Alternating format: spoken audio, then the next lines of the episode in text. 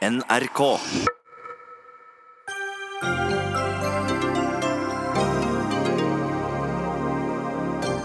Stor spenning når Kristelig Folkepartis største fylkeslag om kort tid avklarer holdninga til regjeringsspørsmålet. Kan bli tungen på vektskåla. Avtalen om inkluderende arbeidsliv går ut ved nyttår. Var 21 milliarder kroner verdt det, når sykefraværet fortsatt er rekordhøyt? Og statsministeren burde aldri sagt unnskyld til tyskerjentene, mener samfunnsdebattant, som møter Høyre til debatt.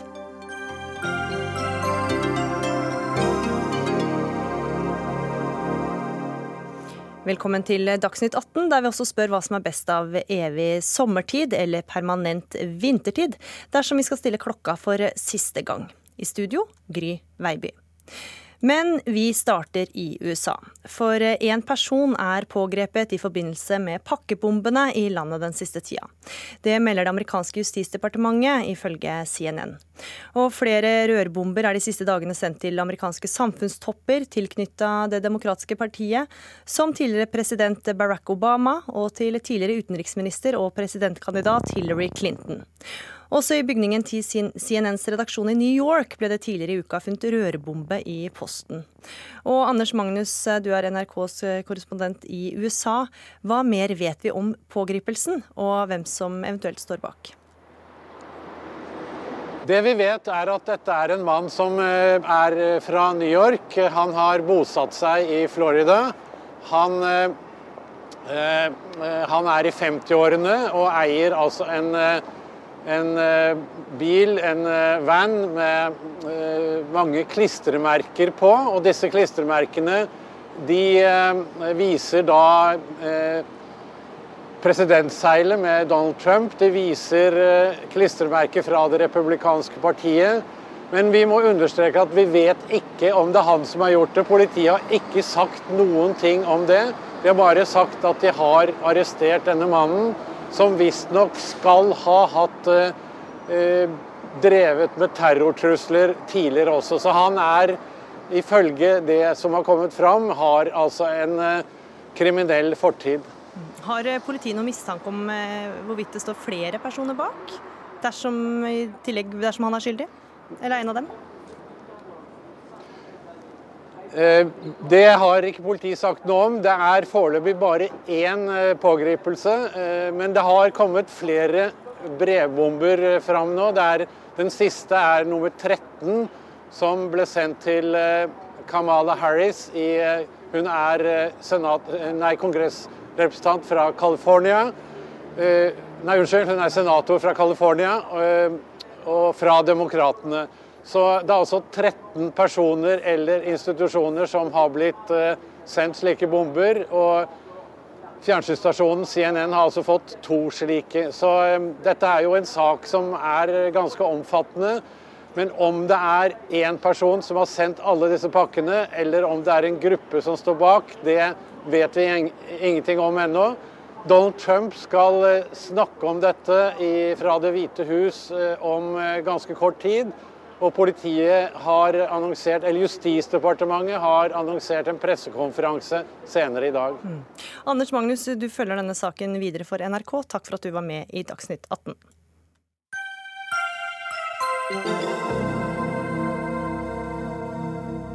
I kveld kan det avgjøres. For akkurat nå holder eh, KrFs største fylkeslag ekstraordinært møte for å ta stilling til veien videre for partiet. Skal de velge blå eller rød side? Og Agderfylkene har tradisjonelt sett tilhørt den blå fløyen, og 173 delegater er nå altså samla for å eh, på, for å finne ut hvordan de skal stemme på landsmøtet 2.11. Og møtet i Lillesand, Lillesand starta nå klokka seks. Og reporter Svein Sundsdal, du er på Kalvild konferansesenter i Lillesand. Hvordan vil du beskrive stemninga blant delegatene nå? Det er jo en veldig veldig spent uh, stemning. Det har vært uh, mye prating i korridorene, og det har også vært delegasjoner. Ikke minst den kjempestore fra Kristiansand, som har sittet nå sammen og fundert på hvordan de skal operere, hvordan de skal stemme når det kommer til måten de skal gjøre på, som fort kan bli det viktigste her i kveld. Det er samla ja, nesten 200, over 170 delegater. Dette er altså det største fylkeslaget som du var inne på, og skal sende 18 til eh, årsmøtet. Det er altså den største fylkesdelegasjonen. Og Vidar Udust, du er politisk redaktør i eh, Fedrelandsvennen. Vi kjenner vel ikke utfallet? Nei, det gjør vi virkelig ikke. Men det er interessant at de begynner møtet med den mest interessante debatten, nemlig hva slags delegasjon som skal sendes til landsmøtet. Så når fylkeslederen her er ferdig med sin eh, innledning, så går de rett på den debatten. Så da får vi eh, utløsning i de mest interessante spørsmålene her. Og spørsmålet er jo om det blir en ren blå delegasjon, eller om det blir en delegasjon som speiler alle synspunkter som er i salen. Vi skal ikke gå inn på de tekniske detaljer her, men de som eh, har vært litt med i politikken, vet jo at uh, en måte er å ta et såkalt uh, et forholdstallsvalg, som gjør at man får delegater etter hvordan fordelingen er blant forsamlingene. En annen ting er å kjøre på en ja, skal vi kalle det rogalandsmodell, hvor på en måte vinneren tar alt. Det, det er spørsmålet. og for mange utenforstående så er det kanskje underlig at noen argumenterer for å kjøre den knallharde linja og prøve å ta rubel og bit. Samtidig så er det ganske mange på den konservative fløyen her på Sørlandet, og særlig Kristiansand, som tenker som så at dette handler om makt, det handler om regjeringskrise. Og det er ikke vi som har begynt denne kampen, det er det partileder Knut Arild Hareide som har gjort. Så han får ta seg av sine interesser, og så får vi kjempe for våre interesser, og da vil vi ha flest mulig delegater på landsmøtet. Og de legger ikke skjul på dette?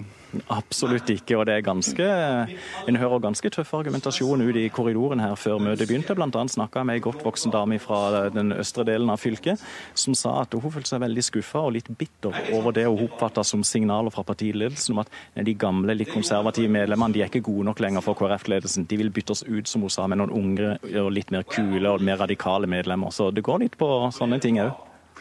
Og så er det jo slik at det ligger under her at uh, dette er jo dette bibelbeltet vårt. Uh, det er jo et sted som har mange velgere, og som har rekruttert mange velgere, ikke minst nå i uh, det siste. Og at man føler at man ikke får nok betalt, ikke godt nok representert i dette systemet som de er nå en del av. Og at også det skal vi si, gjør noe med den frustrasjonen og at de kjører litt på. Det er et argument som absolutt går igjen. Og Agder sammen med Rogaland og Hordaland er jo de sterkeste fylkene fylkene for KrF.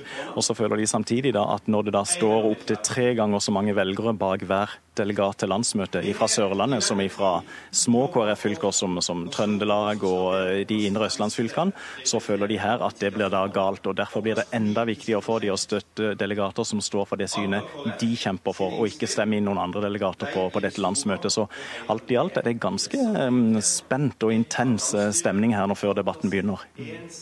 Men det jo det store bildet er allikevel slik at uh, det går jo mot et blått flertall, for å kalle det. Spørsmålet er bare hvor mye skal uh, mindretallet være representert, eller om det skal være representert uh, overhodet. Mens du sto og ble intervjua av noen andre her i stad, så hadde jeg et øre inntil noen i Kristiansandsdelegasjonen, og da kunne det virke som at de tror at dette forslaget om å ha forholdsvalg, altså at man får etter hvor mange man er til stede, at det vil falle etter en skarp og sikkert litt lang debatt, men at man vil prøve å sikre i hvert fall noen eh, delegater fra rød og gul side også. Og Det er jo i så fall veldig interessant, fordi at det er sikkert også ulike oppfatninger internt i Kristiansand-delegasjonen, som tradisjonelt er den mest konservative og, knallharde i dette spørsmålet. Eh, og så vil det jo være et betydelig nederlag for partiledelsen hvis det da ikke skulle bli en eller annen form for representativ delegasjon eh, fra Agder. Og Det vil jo også kunne føre til en kjedereaksjon i de kommende fylkesårsmøtene som skal være nå lørdag, søndag, mandag og tirsdag. Så det er ganske mange som er ganske spente på utfallet her nå i, i kveld. Jeg sjøl eh, var veldig spent eh, i starten eh, på denne prosessen om Hans Fredrik Grøvans alternativ. Dette med å bli der man er i dag, altså i opposisjon. I hvilken grad det ville få medvind. Han er jo fra, fra fylket her og er en av de tre innlederne. Her er det jo en leder og en nestleder som skal lede inn, og så er det Grøvan også som slipper til. Men det har ikke fått så veldig vind i seilet, dette? Nei, det har ikke det. altså. Samtidig som det nå inn mot innspurten så er det noen som begynner å se på Grøvan som en mulig joker. Og eh, ikke minst når fylkesårsmøtene er ferdige og alle delegatene er talt opp, så vil det danne seg et relativt klart inntrykk av hvem som da ser ut til å kunne vinne på selve landsmøtet. Og da er det noen som spekulerer i følgende scenario. Eh, mitt alternativ ser ut til å eh, tape. Da vil jeg heller støtte Grøvans alternativ. Og da kan du ha en ny situasjon hvor han plutselig står sterkt. Ok, la dette være en eh, liten introduksjon til starten her. Om litt så braker det løs med helt selve hoveddebatten om man skal ha rent bord eller ikke rent bord her i Lillesand. Takk til deg, reporter Svein eh, Sundsdal. Vi har fått inn politiske kommentatorer her. Lars Nehru Sand, politisk kommentator her i NRK. Hvordan tolker du eh, stemningen i Agder KrF med tanke på regjeringsspørsmålet? At eh, Agder er et ganske blått uh, fylke, det er nok alle enige om. og Det, det er nok et uh, mindretall som, som, vil støtte partileder Hareide i, i sitt råd. og Det er derfor det ikke er så veldig stor spenning knyttet til det, men all spenningen da knyttet til hvor blå den delegasjonen Agder sender til landsmøtet er. Det er egentlig det som, som er det interessante i kveld.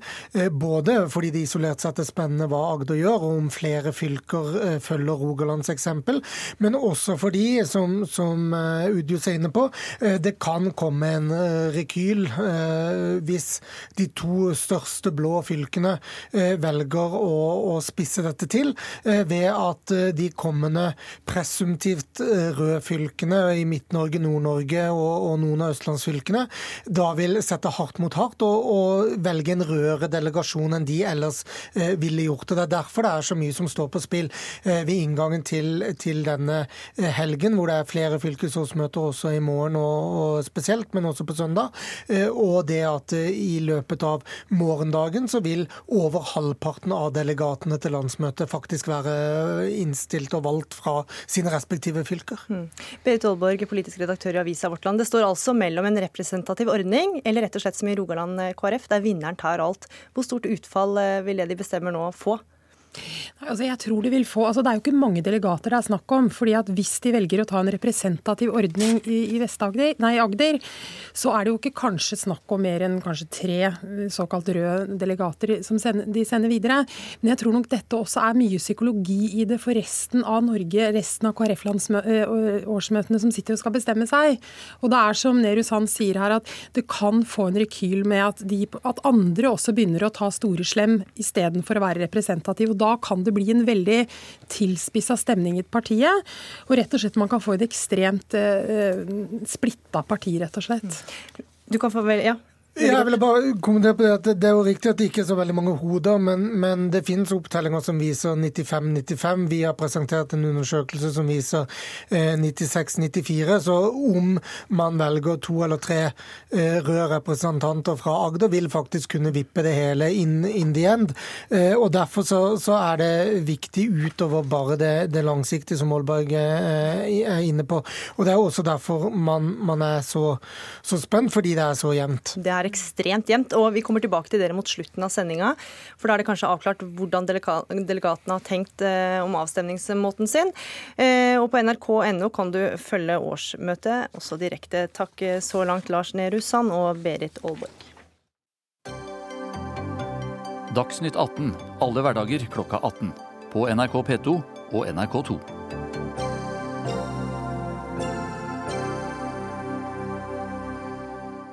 Nok en gang gikk eh, oljefondet, eller pensjonsfondet avdeling utland som det heter, i pluss, og fikk en avkastning på 2,1% i tredje kvartal.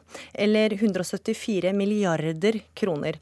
Men de siste ukene har vi sett noen av de kraftigste børsfallene på flere år flere steder i verden, og direktør eh, Yngve Slyngstad, hvor nervøs er du for eh, framtida til pensjonspengene våre? Det er en del av min jobb å bekymre meg for hva som kan skje med, med, oljefondets avkastning, selvsagt. Men samtidig er det sånn at vi skal ha en veldig lang horisont på investeringene og tenke gjennom eh, hvordan vi investerer med en 10-20-30 års uh, horisont. Uh, så vi har sett at det har vært betydelige svingninger i markedet. Vi har hatt enkeltdager hvor fondet har svingt opp eller ned like mye som hele avkastningen i forrige kvartal. Eh, men eh, så langt eh, har det ikke vært så store bevegelser, sånn at vi ikke må være forberedt på det også i tiden som kommer. Mm, ja, for Det er ti år nå siden forrige finanskrise. og Hvor godt rusta vil du si dersom det kommer en slik krise igjen? Vi vil svinge opp og ned med verdens finansmarked. Vi har to tredjedeler, nesten 70% av fondet investert i aksjemarkedene. og Derfor så vil vi selvsagt gå opp og ned i tråd med de.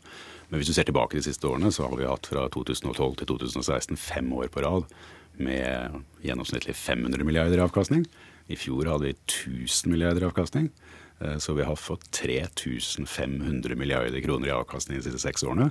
Eh, så at det skulle svinge opp eller ned med 500 eller 1000 milliarder i år, det er noe som vi både må være forberedt på, og som på mange måter kan være forventet. Mm. Men så er det tilbake til svingningene i internasjonal, eh, den internasjonale økonomien. Regjeringa har jo foreslått at dere skal investere enda mer i aksjer. Hvor lurt syns du det er gitt svingningene i økonomien, da? Det er et utfordrende tidspunkt å eh, være på kjøpsiden på et hvilket som helst eh, marked når det har gått så bra i så mange år. Eh, og Derfor skal det også være grunn til å ta det med ro og tenke seg om før man investerer ytterligere i markedene. Mm. For Noen vil da kanskje foreslått at man heller bør investere i noe som er tryggere, som f.eks. gull. Er det et alternativ? Nei, Fondet med de beløpene vi har, så er det ikke aktuelt å gå inn i, i gull. Det er for lite marked at det spiller noen rolle. Og det er heller ikke en aktivklasse som gir løpende avkastning. Vi er også store at vi kan ikke sette pengene i banken og tro at de er trygge da. Vi så sist finanskrise at eh, det er jo ikke noe trygg investering for oss heller.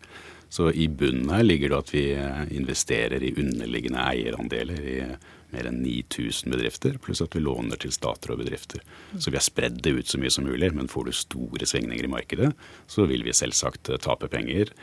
Men forhåpentligvis bare forbigående. Og vi har jo ikke tenkt å selge disse aksjene eller rentepapirene som vi sitter på på mange år ennå.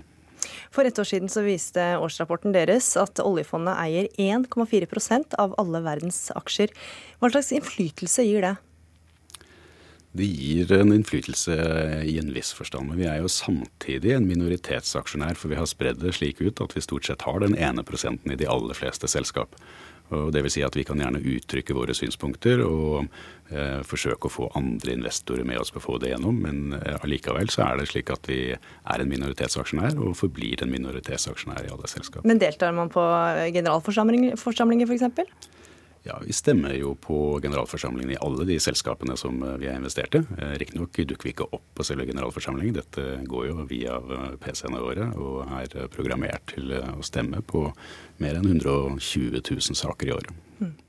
Oljefondet eier aksjer for 6,9 milliarder kroner i Saudi-Arabia. Og til E24 sier du i dag at denne eierandelen bare kommer til å øke. Ser du noen problematiske sider ved det? Er alltid slik at noen av de landene vi har investert i, så kan man se problematiske aspekter ved. Men husk nå på at vi har investert i 74 land til sammen. Eh, for et år siden var det mye fokus på Tyrkia, før det har vært fokus på Russland osv. Og, så og utgangspunktet vårt for investeringene er at vi skal investere i alle land der det finnes en markedsplass som vi kan investere i. Men Amnesty har bedt regjeringa revurdere forholdet. Stortingsrepresentant Abid Raja har tatt til orde for at oljefondet bør selge sine aksjer i Saudi-Arabia, og vil at Norge også skal ta klare standpunkt mot Saudi-Arabia etter eh, de siste sakene som har vært i dette landet. Hva syns du selv da om å gå inn i Saudi-Arabia? Min vurdering er eh, den som er sammenfallende med tror jeg, alle politiske partier, nemlig at det er viktig at oljefondets investeringer ikke blir utenrikspolitikk. Den måten vi sikrer det på, er faktisk da å være investert i alle land, uavhengig av de politiske utviklingene som er der. Men Ser du noen etiske utfordringer ved å gå inn i sånne land? Det vil alltid være utfordringer, men i bunnen her ligger det at vi investerer faktisk i selskaper eh, og ikke i land. Disse selskapene kan jo være notert på børser i andre land enn der de opererer, eller de kan ha operasjoner i mange land. og Mange av disse selskapene er jo globale. Mm. For det, Saudi-Arabia så dreier det seg om det mistenkte drapet på den saudiske journalisten Jamal Khashoggi ikke sant? på det saudiske konsulatet i Istanbul i Tyrkia. og Det skaper da bølger både globalt og i Norge. Kan en sak som det påvirke verdien av oljefondets eh, investering i landet? Det er helt klart at politiske utviklinger vil påvirke verdien av fondet på mange måter. Men i eh, fondet så er det ikke slik at vi analyserer i stor grad politisk utvikling, og det er i liten grad grunnlaget for de investeringene vi gjør. For husk på at investeringene våre er i enkeltbedrifter. Eh, og de enkeltbedriftene vurderer vi som enkeltbedrifter og deres inntjening. Eh, vi forsøker å holde oss unna av de enkeltbedriftene som har særlig store utfordringer, og mange av de kan jo være mer påvirket av politiske utviklinger. Men det er ren analyse investeringsmessig av inntjeningspotensialet til bedriftene. Men det er jo ikke alltid det stemmer, for noen ganger har vi trukket oss ut av selskaper som selger tobakk eller eh, ammunisjon f.eks. Det er riktig. Så det er mange ganger at vi velger å ikke være investert i selskaper. Eh, men som utgangspunkt så er det ikke slik at vi vurderer land som helhet. For vi godkjenner, sånn teknisk sett, en markedsplass, altså en børs. Og så investerer vi i de selskapene som er notert på den børsen. Så det er ikke i bunnen her, og bør heller ikke være, en landgodkjennelse som ligger til grunn.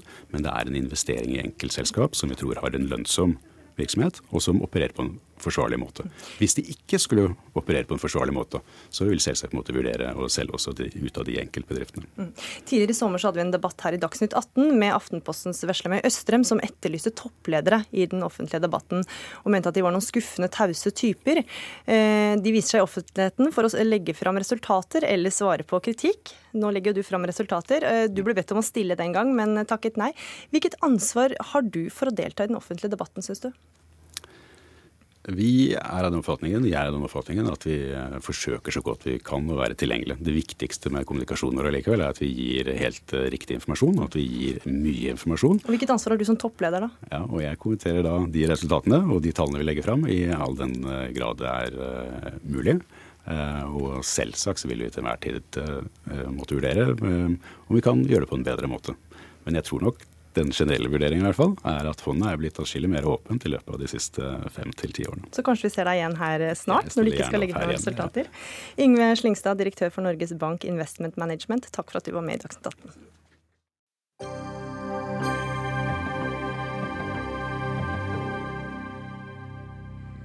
Natt til søndag skal du stille klokka én time tilbake, og vi går dermed mot vintertid, eller normaltid, som det også heter.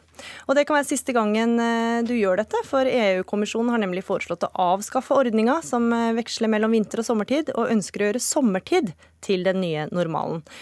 Eh, og nå skal vi ha en debatt om det, for begge debattantene er enige om at vi skal slutte å stille klokka. Spørsmålet er bare når vi skal slutte å stille klokka for siste gang. Lasse Heimdal, du er generalsekretær i Norsk Friluftsliv. Eh, hvorfor vil du slutte å stille klokka siste gang når det er sommertid? Fordi sommertid hele året er det aller beste for oss som er glad i å være aktiv på fritida. Det er på ettermiddagen vi trenger dagslys. Eh, da har vi tid til å nyte det, til å være ute, leke med ungene og være aktive. Og da trenger vi dagslyset på den tiden av døgnet. Hvorfor betyr det noe når vi slutter å stille klokka for siste gang? Eh, hvorfor det betyr noe? Eh, jo, fordi at det har noe med hvilken tid vi beholder. Altså Skal vi beholde vintertid, eller skal vi beholde sommertid? Og Vi er overbevist om at det er aller best for trivsel og for folkehelsa om vi kan flytte tiden gjennom hele året, slik at vi kan få mest mulig dagslys på ettermiddagen. Jenny Klinge, du er stortingsrepresentant for Senterpartiet. Og med ditt forslag eh, så blir det ikke så mye lys på ettermiddagen, men mer lys på morgenen. Hvorfor er det mer riktig, syns du? Jeg har jo drevet i årevis og arbeidet for at vi skal slutte å stille klokka. For jeg mente at det var noe stort eh, tull, rett og slett. Eh, og sånn sett så er jeg jo veldig glad for at EU går inn for at vi skal skal slutte å stille klokka, og som skal ha samme tid hele året. Tidligere så mente jeg også at eh, det viktigste var å ha samme tid hele året, og da kunne det like gjerne være sommertid hele året. Men jeg har sett meg enda mye bedre inn i saka enn det jeg gjorde tidligere, og har konkludert klart med at normaltid er det beste, fordi det rett og slett er best for helsa vår. Det handler om søvnkvalitet og søvnrytme, og, og legge til rette for at flest mulig, mulig får nok søvn og best mulig søvn. Men med din, eh, hvis vi innfører vintertid eh, som nye normalen, så vil jo det gi mindre muligheter for lys etter arbeidstid, da? Det vil jo bli akkurat likeens på vinteren som nå, hvis det er normalt i hele året. Da blir det jo sånn. Det som skjer, det er jo at vi i sommerhalvåret, der vi i Norge har ekstremt mye mer lys eh, gjennom hele døgnet enn det andre land har, så vil det bli slik at, eh, at sola går ned på en måte tidligere. Den gjør ikke det, men i praksis da at klokka er at det, ja, at det blir sånn. Ja.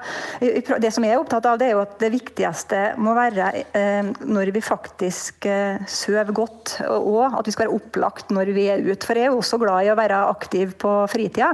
Men det handler jo også om at man må være opplagt, opplagt, nok til å være aktiv. Og så er den der ene timen da, som jeg hører at Friluftslivets organisasjon er opptatt av at vi skal ha eh, på ettermiddag gjennom året, eh, den betyr i praksis mest i overgangen mellom eh, høst, altså på høst og vår, slik som det er per i dag når klokka blir stilt. Så det er høst og vår. Vi merker den store forskjellen ved at det blir sommertid når den blir innført. Så jeg er helt overbevist om at ja, det ville vært positivt å ha sommertid hele året for enkelte uker, vår og høst, eh, hvis vi har hatt det hele året. Men for helsa vår hele året så er det best at det er normaltid. For det handler rett og slett om når vi sover best, og når vi, vi sovner. Mm, Ja, du, eh, Der må nesten svare deg litt, eh, Jenny. fordi at Vi er heldige i Norge som får lov til å ha masse sol om sommeren. Men den sola kan vi dessverre ikke sette i banken og spare til vinteren. Og det er noe sånn en gang at når det er vintertid og når det er mye mørkt, så blir folk også mindre aktive. Vi blir mer deprimerte. Og det er vel få ting som er så trist som å sitte på jobben og så se ut av vinduet og så vite at nå snart skal jeg hjem, og da er det mørkt. Det er en dårlig følelse. Folk blir mer opplagt når de kan få gå hjem og det er litt dagslys, og si til ungene skal vi ikke leke litt ute før vi spiser, eller skal vi ikke ta en tur etter, etterpå. Det er viktig med dette lyset, og det er viktig å være aktive. Og et av de beste argumentene, det var han forrige som var inne om her, Yngve Slyngstad. Han teller jo pengene våre. Og det er så mye penger i god helse, og det at vi holder folk i fysisk aktivitet, og det gjør vi mest på ettermiddagen. Dere argumenterer jo begge med helse, men Klinge, altså, tror du ikke det vil begrense mulighetene for utendørsaktivitet for enkelte etter arbeidstid? Nei, sånn som sagt så har vi jo normaltid og vintertid når det er mørkest allerede. Og den, den, timen ekstra som en såkalt kunne ha fått, den gjelder jo i største delen av landet. Så er det jo mørkt når folk er ferdig på arbeid midt på vinteren uansett. Sånn at den, den kjøper rett og slett ikke. Men det vi må være klar over, det er jo at allerede i dag så er det jo slik at A-mennesker, de har jo kanskje fordi de står tidligere opp om morgenen og fatter vedtak, mens vi B-mennesker ligger og sover, så har de jo klart å få samfunnet vårt til å bli innretta mest til A-mennesker. Det å ha sommertid hele året vil være bra for, bedre for A-mennesker, men verre for B-mennesker. Og ikke minst verre for ungdommene, som er, er mer B-mennesker i den fasen av livet enn ellers. Så jeg er kjølig opptatt av at vi legger til rette for at folk, da, folk flest skal ha god helse, god søvnkvalitet og være opplagt. Og det vil også bidra til, til mer aktive folk, rett og slett. Mm. Ja, du, Det er flott at du er opptatt av søvn, for det er kjempeviktig. Men jeg er så glad for at blendingsgardiner er oppfunnet. Det er faktisk går an å gjøre noe med det hvis man trenger litt å sove litt mer mørkt. Men det er ikke så lett å få mer lys på ettermiddagen. Men kan man ikke bare stå opp tidligere om morgenen, da?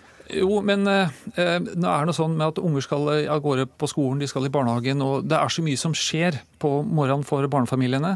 Og så de første timene på dagen så har vi jo ikke tid til å nyte mye av dagslyset, for da sitter vi faktisk inne, enten det er på skolen eller på jobben eller hvor vi er.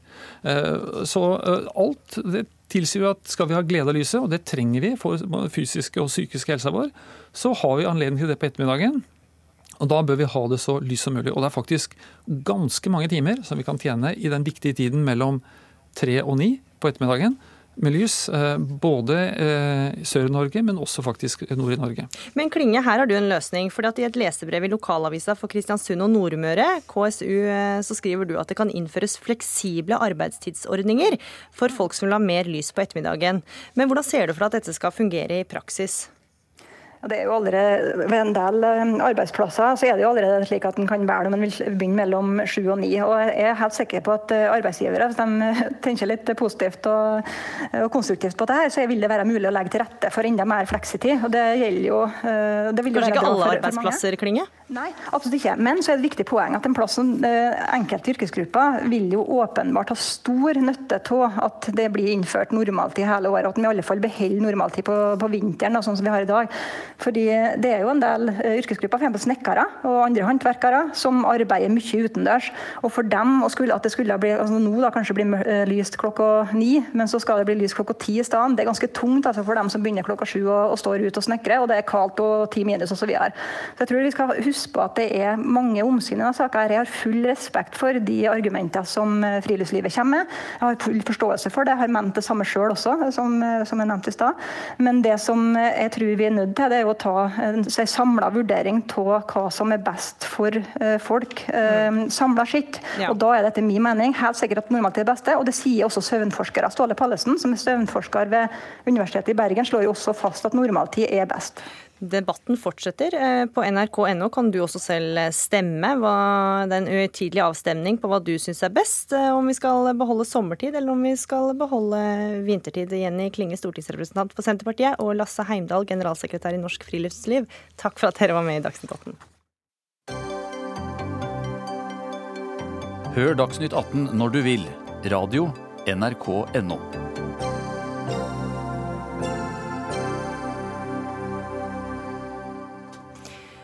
I 17 år har vi brukt 21 milliarder kroner på tiltak vi ikke aner om virker, skriver Dagens Næringsliv. Det handler om intensjonsavtalen om et mer inkluderende arbeidsliv, eller bare IA-avtalen. Målet med avtalen var bl.a. å få sykefraværet ned med 20% men fasiten eh, viser at fallet i sykefraværet bare er rundt 10 og bare for å ta det helt kort til å begynne med, Direktør for arbeidsliv i NHO, Nina Melsom. Dersom denne avtalen går ut om to måneder, har den vært verdt pengene? Jeg tror jeg har lyst til å starte med å si at uh, det er ikke nok å skrive under på en uh, IA-avtale. Uh, det må også gjøres en innsats. Og innenfor privat sektor og våre NHO-bedrifter så har man gjennomgående oppnådd IA-målet med 20% reduksjon av sykefraværet fra 2001. Så vil det si at avtalen har vært pengene? Ja, for det har medført at man jobber systematisk og godt med sykefraværsarbeid. Men eh, når det er sagt, så er det ikke alle bransjer som har oppnådd målet. Så det er eh, et potensial å ta ut ytterligere. Eh, og så er det sånn at det er nok må vi lete etter nye midler for å få fraværet ytterligere ned. For det er et faktum at vi har et høyt sykefravær i Norge sammenlignet med andre land. Første nestleder i LO, Peggy Hessen Følsvik, har, mener du den har vært, pengen, vært pengene så langt? Ja, jeg mener den eh, har vært verdt eh, pengene. Dette, det er jo store summer, mye penger vi snakker om. Men tallene viser oss også at i det samme tidsrommet som du eh, trekker fram her, så har vi altså folketrygda har spart ca. 128 milliarder kroner på at sykefraværet har gått ned. Og så kommer jo den gevinsten som den enkelte har fått ved at de faktisk da har deltatt i arbeidslivet og ikke blitt skjøvet ut og blitt stående på utsida pluss de pengene vi har tjent på at vi har oppnådd målet at eh, de eldre har stått lenger i arbeid.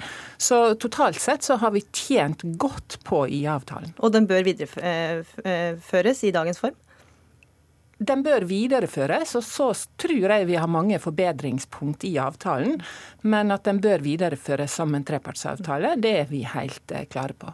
Og Det er særlig i offentlig sektor sykefraværet er høyt. og Bente Stenberg Nilsen, avdelingsdirektør for arbeidslivet i KS. Dere representerer arbeidsgiversiden i kommunen. Syns dere at IA-avtalen har vært pengene? Ja, Vi kan i hvert fall ikke si at vi ikke, ikke syns det. Eh, og som eh, Peggy vel pekte på, altså det har skjedd en veldig utvikling i arbeidslivet på disse årene. Det har skjedd endringer. Og i vår sektor, da, kommunal sektor, så har det jo vært en veldig økning i antall ansatte i særlig to områder. Barnehager. Vi har fått eh, full barnehagedekning i denne perioden. Og vi har en økning i, i antall ansatte i helse- og omsorgssektoren.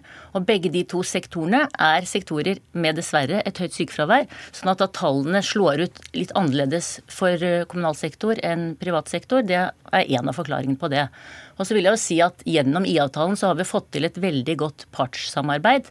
Eh, eh eller videreutviklet det gode partssamarbeidet vi har i Norge. Og IA-avtalen er kanskje en av de aller beste eh, Eh, bevisene på at vi har et godt samarbeid både mellom partene og staten sentralt, altså trepartssamarbeidet, men det har jo også forgreninger ned på den enkelte arbeidsplass. Eh, det er blitt eh, legitimt å snakke om sykefravær, og det er store forventninger både fra arbeidstakere og arbeidsgivere til at man skal gjøre noe med det.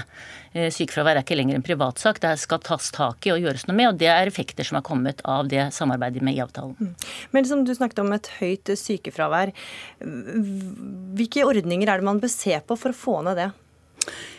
Jeg tenker at Det er litt med å se på bransjevise forskjeller. Altså Dagens IA-avtale den har mål i makro. og Når man ser at privat sektor så har man fått til eh, å få en god reduksjon, og så sliter man mer i andre bransjer, sektorer, så bør man kanskje Kommunalsektor, Da mm. bør man kanskje lete etter løsninger som tilkommer den sektoren spesifikt. Eh, samtidig så vet vi også gjennom undersøkelser, forskningsundersøkelser, no, mye om hva som fungerer og som bidrar til å få sykefraværet ned. Og det gjelder både i privat og offentlig sektor. Men når det går til offentlig sektor, da, hvilke, hvilke midler bør man ha å bruke der? Det handler om eh, først og fremst systematisk og god eh, ledelse. Eh, det handler om å ansvarliggjøre både tillitsvalgte og de ansatte. Og så handler det om virkemiddelapparatet rundt. Det handler om fastlegene, det handler om Nav, og det handler om hvordan man bruker bedriftshelsetjenesten. Men det er nok viktig å tenke at når man ser på bransjer, at man på en måte gir ro ros og anerkjennelse til de bransjene som oppnår målene, og så må man bidra og jobbe systematisk og godt med de bransjene som har noe å ta ut. Bør man begynne å se på sykelønnsordningen f.eks.? Når det gjelder sykelønnsordningen, så er det ikke en del av eh, IA-avtalen som sådan. Eh, der er det satt ned et eget sysselsettingsutvalg som skal se på inntektssikringssystemene våre. Eh, de inviterer partene inn i 2019, og som del av det så, også, så vil det være naturlig at man også drøfter sykelønn. Men når det er sagt, så er det viktig når man drøfter sykelønnsordninger, at man ikke finner ordninger som bidrar til at man stenger folk ute fra arbeidslivet. For vi har eh, fallende sysselsetting, og det er noe som må ivaretas på en god og kløktig måte. Mm. Følsvik, altså Vi har jo ikke kommet, eh, klart å komme mer enn halvveis med å få ned sykefraværet. Er du enig i at vi kanskje må se på andre ting, som f.eks. sykelønnsordningen, som mange politikere tar til orde for? Sykelønnsordninga er helt grunnleggende for LO og LO sine medlemmer. Det å skulle prøve å bekjempe sykefravær med å kutte i ansatte sine rettigheter når det gjelder sykdom, det er ikke noe som vi er villige til å engang diskutere. Den skal ligge i bunn uansett framover. Men at vi må diskutere andre virkemidler, at vi som Nina sier kanskje må se på er det andre virkemidler som må til innenfor f.eks. Eh, helse- og omsorgssektoren enn det man har eh, brukt i eh, privat sektor, det er vi helt med på. Så det å finne bransjeretta virkemidler, det tror jeg vi skal bruke mer energi på å finne. Og så tror jeg også at en veldig viktig grunn til at privat sektor har klart å nå målene sine, er at de har vært gode på forebygging. Nemlig det å forebygge at folk blir syke på arbeidsplassen arbeidsplassen. Eh, så det å, å, konsentrere seg mer om det arbeidet som faktisk skjer ute på arbeidsplassene, det tror jeg også er en viktig suksessfaktor i arbeidet videre. Mm. Ja. Så tenker jeg jo også at eh, Det er viktig å tenke at eh, arbeidslivet har endret seg fra 2001 til i dag. Eh, vi har, det, det, det, går på kompetansekrav, og det går også på diagnosegrupper. altså Psykisk helse har seget, altså økt. og Det gjør at kanskje man må lete etter litt andre virkemidler. og Denne skjæringspunktet mellom hva skal jeg si, frafall fra arbeidslivet og krav til kompetanse. Der er det også noe vi må jobbe mer med. Stenberg Nilsen, dere er jo positive til IA-avtalen. Hvorfor skal vi videreføre en avtale som ikke gir resultatene som den bør? Nei, vi, ikke, vi sier at vi er positive til en avtale mellom partene, men ikke nødvendigvis den samme avtalen som vi har i dag. Det er vel sammenfall med det de andre har sagt. Altså Vi må, må se på om Fornye IA-avtalen. Fornye IA-avtalen. Mm. Og, og, vi har vært opptatt av, eller er opptatt av de, de forhandlingene vi skal inn i nå, at det må tas hensyn til nettopp det som har vært sagt, at det er bransjevise utfordringer, eller altså ulike utfordringer i ulike sektorer, og at virkemidlene kanskje må bedre kunne ta hensyn til det. Uh, og så hadde jeg lyst til å kommentere fra, fra litt fra den innledningen hva som virker og ikke virker. For det første vil jeg si at våre medlemmer melder tilbake at de syns Navs arbeidslivssenter f.eks.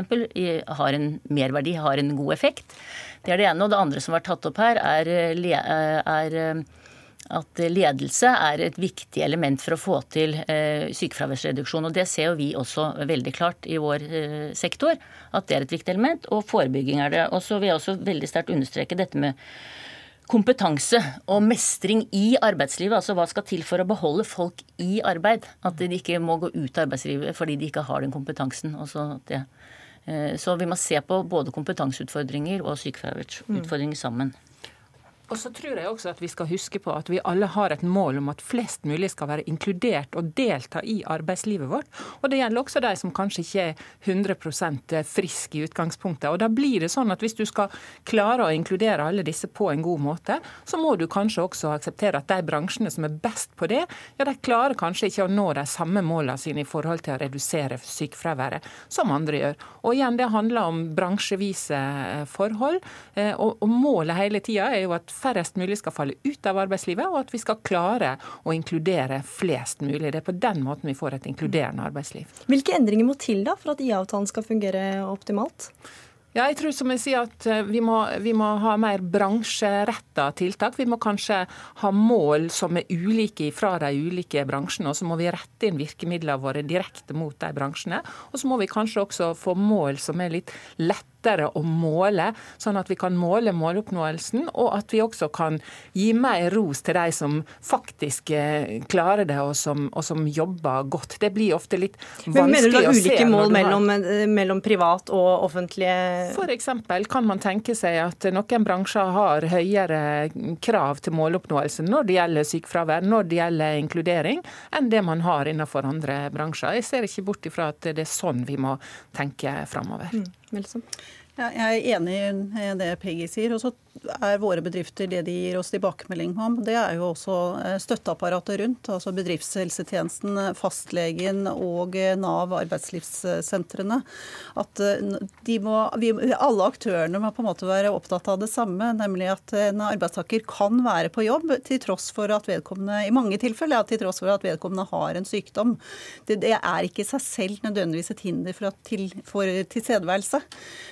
Men da må støtteapparatet legge til rette for for det, og, og, være enige om hva som er riktig og ikke riktig.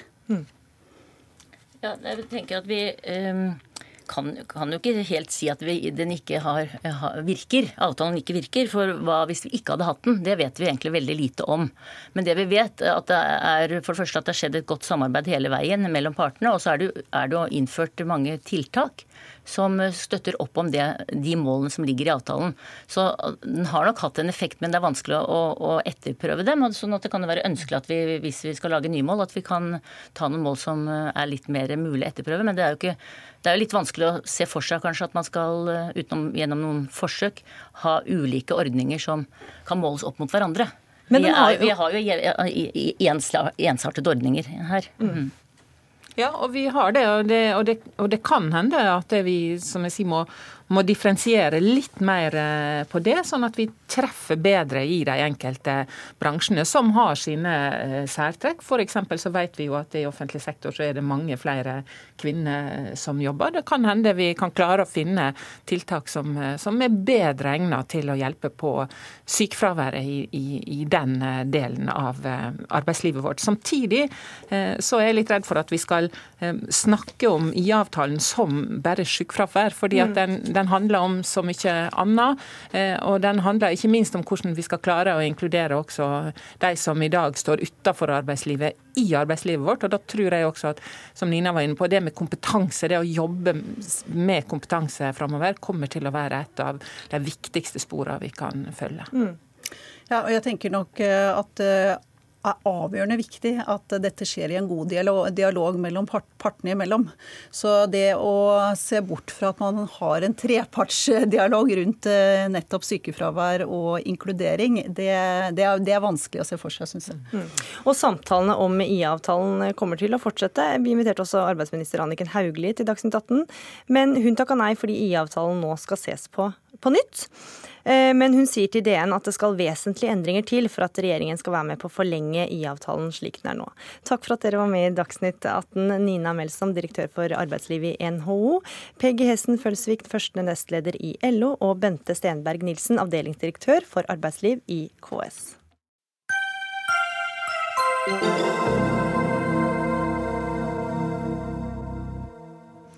73 år etter andre verdenskrig fikk de såkalte tyskerjentene en offisiell beklagelse fra statsminister Erna Solberg for at norske myndigheter fengsla, internerte og utviste kvinner som hadde hatt forhold med tyske soldater. Mellom 30 000 og 50 000 kvinner var mistenkt for eller hadde relasjoner til tyske soldater under krigen, og mellom 3000 og 5000 kvinner ble fengslet og internert etter krigen.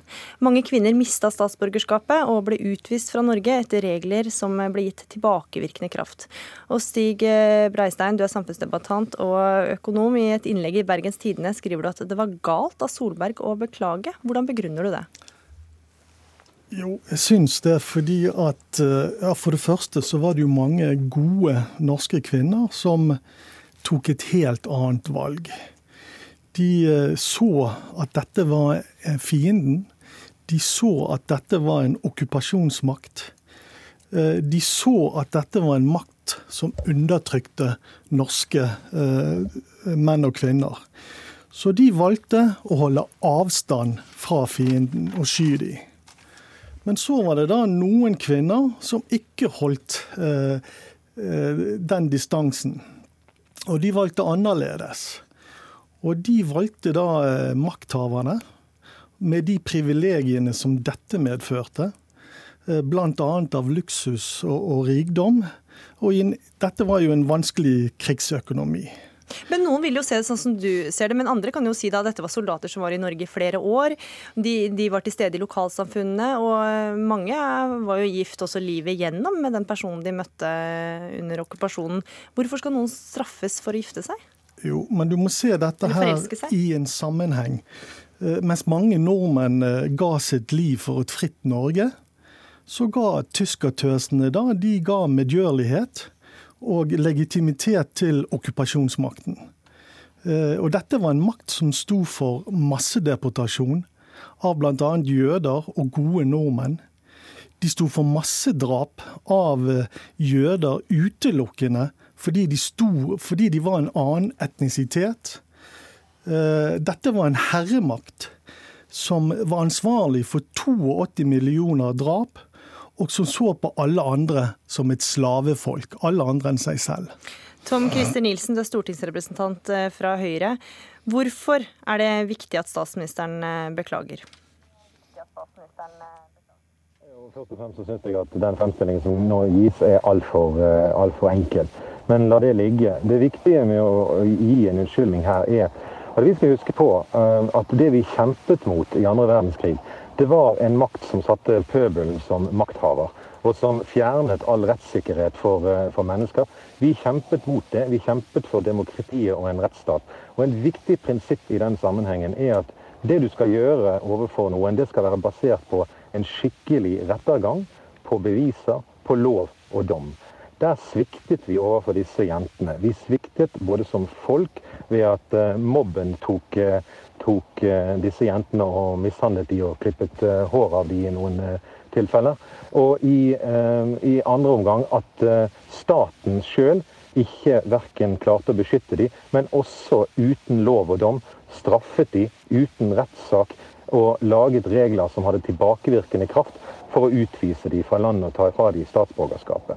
Det gjorde vi ikke med en lang rekke andre eh, som også eh, hadde et eh, nært forhold til, til, til okkupantene. Og Derfor så føler jeg at det er litt bom av han som sitter og diskuterer her nå. fordi at Det som vi må unnskylde, det er at vi ikke klarte å oppføre oss bedre enn okkupasjonsmakten når vi ble fri. Vi klarte ikke å holde på de prinsippene vi, vi slåss for. Staten klarte ikke å gjennomføre en eh, skikkelig rettssikkerhet for, for disse. Og eh, mobben klarte ikke å la være å, å sette gatas justis eh, foran det som skulle være en, eh, en rettsstat. Ja, Breistein, Det er jo godt poeng, for det var jo, Mange av disse kvinnene ble jo da forfulgt uten lov, uten dom. Det var ikke noe rettergang. Skal man ikke forvente bedre av en rettsstat? Altså, Jeg er helt enig at uh, mye av det som skjedde rundt landsviksoppgjøret, det kan vi ta avstand fra. Og det er ikke en rettsstat eh, verdig. Eh, F.eks. Rinnan. Da han kom inn i domstolen, så var hele ansiktet hans oppsvulmet. Fordi han hadde fått så mye bank og juling før han kom til domstolene. Eh, men men hvordan rettferdiggjør det, behandlingen nei, tyske jentene fikk? jo, men det er jo ingen som sier at Rinnan og andre norske nazister skal få en offentlig unnskyldning fordi at det ble gjort litt av gatas justis mot de òg. Nilsen? Jeg vil si at Det å sammenligne noen som en ung jente som forelsker seg i en tysk soldat, med oliverinnan, som eh, sto for Sonderabteilung Lola, og som med overlegg og sjøl eh, sendte norm, gode nordmenn i døden gjennom renkespill og gjennom, eh, gjennom dobbeltspill, og sjøl sto ansvarlig for, for, for flere mord det, det, det, er en sammenligning jeg ikke kjøper. Men samtidig så må jeg bare si, nå må en huske hva en ber om unnskyldning for. En ber ikke om unnskyldning for som, eh, at noen gjorde det eller det. Man ber om unnskyldning for at staten Norge ikke klarte å følge sine rettsprinsipper i behandlingen av disse, disse jentene. Og så vil Jeg bare si en ting. Jeg tar sterk avstand fra et begrep som tyskertøser. Det hører ikke hjemme i, eh, i, eh, i vår tid. Det er et, en anakronisme, et begrep som kanskje hørte hjemme i en annen tid. Og vi klarte ikke å oppføre oss overfor disse jentene, men fremfor alt, vi klarte ikke å oppføre oss overfor deres barn. Uh, og det ble et skjellsord Breistein, Breistein hvorfor, hvorfor, bruker du ordet tyskertøs? Breistein? Jeg syns det er frekt og utidig å bringe disse stakkars barna inn i debatten. Men da kan vi legge det, til side med en gang. Og det sier noe om hvor tynn is du er på allerede Breistad, der. Hvorfor kaller du jo. det tyskertøser? Ja, Det gjør jeg fordi de blir sett på som tyskertøser den gangen. der. Men hvorfor kaller du det det fortsatt Høyre, nå? Og at Høyre og statsministeren velger å gi en unnskyldning til kvinner som blir sett på som, eh, som landssvikere. Men Breistein, det ble kalt det den det, gangen. Hvorfor bruker du fortsatt dette uttrykket nå? Jo, fordi at disse ble sett på av sin samtid, av sin samtid. som landssvikere. Ja. Og hadde dette skjedd i dag Nå er vi 2018, det er jo lenge ja, den, siden den samtiden. Hadde dette skjedd i dag, så hadde Erna Solberg og Høyre også sett på de som landssvikere, og de ville aldri kommet med en unnskyldning. Så du syns det er riktig å bruke begrepet tyskertøs? Jeg har brukt det i min eh, kronikk, ja. Og jeg syns eh, det må stå for det, det det står for der. Tom Christer Nilsen, altså beklagelsen til tyskerjentene kom 17.10. Altså det er 73 år siden eh, krigen slutta, og bare fire dager før Norges siste gjenlevende krigshelt, Joakim Holmboe Rønneberg, døde. Hvorfor tok det så lang tid å beklage, hvis det var mer Altså en offisiell unnskyldning er selvsagt? Det er et veldig godt spørsmål. Personlig mener jeg at vi, eh, vi burde ha tatt et oppgjør med dette for, eh, for, lenge, lenge siden. Dessverre så tar sånne ting av og til, eh, av og til tid. Um, og jeg tror at vi hadde stått oss på um, å ta et oppgjør med, med, dette tidligere. Fordi uansett hva vi mener om noens handling, så må vår reaksjon på den handlingen være gjennom en rettsstatsprinsipper. Ellers så kapitulerer vi overfor selve det vi kjempet mot i andre verdenskrig.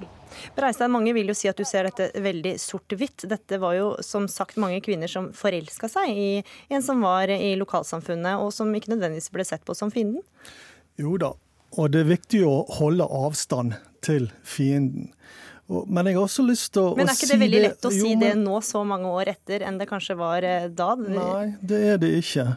Eh, men jeg vil også si det at jeg syns NRK har eh, ledet eh, denne saken litt ubalansert. Altså, Så vidt jeg forstår er jeg den første som får lov til å slippe til her med kritikk av dette. her. Og hadde vi sluppet til på et tidligere tidspunkt, så tror jeg aldri denne unnskyldningen hadde kommet. Nilsen, hva svarer du til det? Der tror jeg med plikt å melde at min motdebattant overvurderer sin betydning i debatten.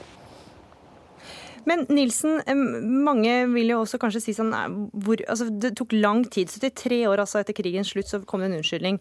Er det tilfeldig at en unnskyldning kommer når de fleste involverte er døde? Ja, altså det, det tror jeg nok er, er, er tilfeldig akkurat på, på, på, tidspunktet. Men det er klart at det, det er ett element her. og det er at en avstand til, til tiden gjør det kanskje også mulig å se på det med mer objektive øyne og vurdere det som skjedde i et, uh, i et annet lys. Og, og ta, en, ta, en, roligere vurdering av det. Det er ingen tvil om at uh, følelsene gikk høyt i, uh, i dagene etter frigjøringen. På, for det meste på godt, men i dette tilfellet, til, tilfellet på vondt. Og det tar litt tid. Det har tatt for lang tid i dette tilfellet. Men jeg tror akkurat at det skjedde nå, er mer, er mer tilfeldig. Dette hadde kommet du har det samme egentlig når det gjelder vår unnskyldning til det samiske folk. Det tok også lang tid.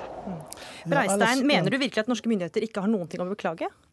Altså, Jeg, eh, jeg syns det at hele beklagelsen Det ligger litt av en sånn eh, undertone av en avansvarliggjøring. Men vil det si at norske myndigheter ikke har kvinner. noen ting å beklage, mener du? Ja, altså Jeg syns jo det at igjen, altså, det var mye som skjedde i dagene etter krigen Så norske myndigheter har ingenting å beklage? Som vi ikke kan uh, være stolt av. Men igjen, vi går jo ikke unnskylder nazister. Norske nazister. Så svaret er da at norske myndigheter ingen, hadde ingenting å beklage? Enten får man beklage for alle, eller så ingen. Det kan ikke være sånn som vi ser i disse tider, at, at kvinner skal favoriseres litt. Grann. Stig Breistein, samfunnsdebattant, takk for at du var med i Dagsnytt 18. Takk også til deg, Tom Christer Nilsen, stortingsrepresentant for Høyre.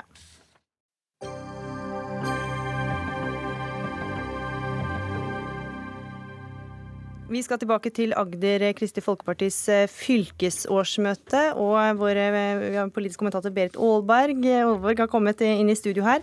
Vi har vel også med oss reporter Svein Sundsdal. Du er på Nei, det har vi ikke. Vi har bare med oss Berit Aalborg, altså politisk kommentator, redaktør i Vårt Land. Eh, hvordan går det så langt? Vet vi noe mer?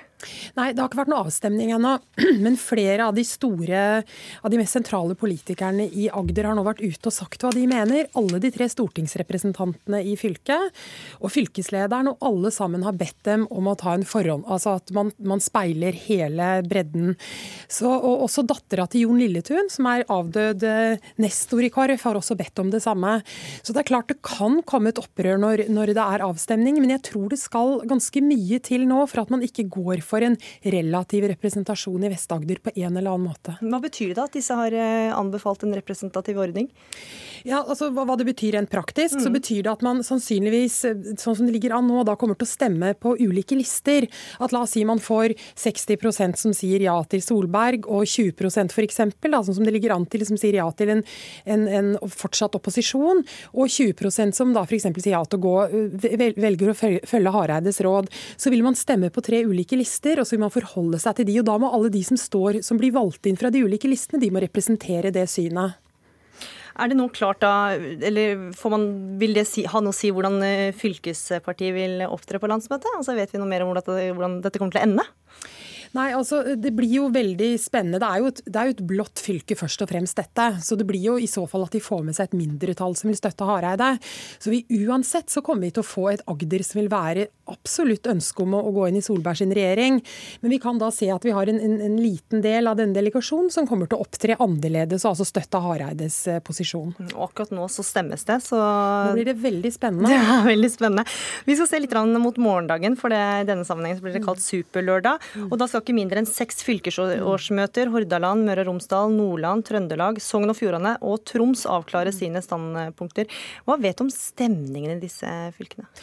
Altså, det er litt, dette er jo fylker som går i litt ulike retninger. og Jeg syns det aller eh, kanskje mest spennende er Hordaland og Møre og Romsdal, ikke minst fordi det er veldig store fylker. Og eh, I Møre og Romsdal så har det nå vært, det har vært et av de blåeste fylkene i KrF. og Der har vi nå sett at det er flere som har snudd. så Der, det, der ligger det nå kanskje an til et dødt løp med like mange som i begge retninger. Så har vi Hordaland, og det er nok mer et, et blått fylke, men der blir det spennende også å se om de går inn for en sånn forhåndstallsstemmegivning, sånn som vi ser i Agder i kveld. Og det Agder gjør i kveld, vil nok få betydning for også hva Hordaland og kanskje andre gjør. Sogn og Fjordane og Trøndelag er litt rødere fylker. Eh, det er også de i Nord-Norge. Men dette er mye mindre fylker. altså eh, Trøndelag er relativt stort, men noen av de andre er mye mindre fylker. Så det er viktigere hva de store fylkene gjør. Dette er jo ganske unikt for norsk politikk, at det er så spennende og som kan avgjøre så mye. Mm. Ja, det er unikt. Og så er det, det klart at det står om, det står om hvilken regjering vi, vi kanskje har om, en, om om, noen få uker. Så det er ikke noe rart at det følges med at vi syns det er spennende. Og Hva kan det ha å si for eh, KrFs framtid? Jeg tror at hvis KrF greier å, å hva skal vi si, avgi en stemmegivning som speiler, um, speiler det flertallet som finnes der, så tror jeg nok at KrF greier å leve videre med dette. Men jeg tror at hvis flere store fylker nå går ut og overkjører mindretallene sine, så kan det bli utrolig mye bitre følelser videre i partiet. Og da kan vi nok se at man har en avskalling på den sida som eventuelt da taper. Mm. Vi ser at det stemmes nå, så resultatet kommer veldig snart. Bare helt kort til slutt nestleder i Kristelig Folkepartis stortingsgruppe, Hans Fredrik Grøvan, foreslår en mulig tredje vei. Altså at man skal fortsette som opposisjonsparti i Stortinget med betinget støtte til Erna Solbergs regjering. Hva tror du om det forslaget? Ja, altså Det forslaget kan komme til å komme opp som en slags joker i denne, i, på landsmøtet. Men, men foreløpig så har vi sett at det har ikke vært har, ja, Foreløpig har vi sett at det har fått relativt liten støtte. Og svaret på hvordan dette her kommer til å gå, får vi i Dagsrevyen. Dagsnytt 18 er over for denne gang. Ansvarlig for sendingen Ida Tune Ørretsland, Teknisk ansvarlig Lisbeth Sellereite. Og i studio Gry Veiby.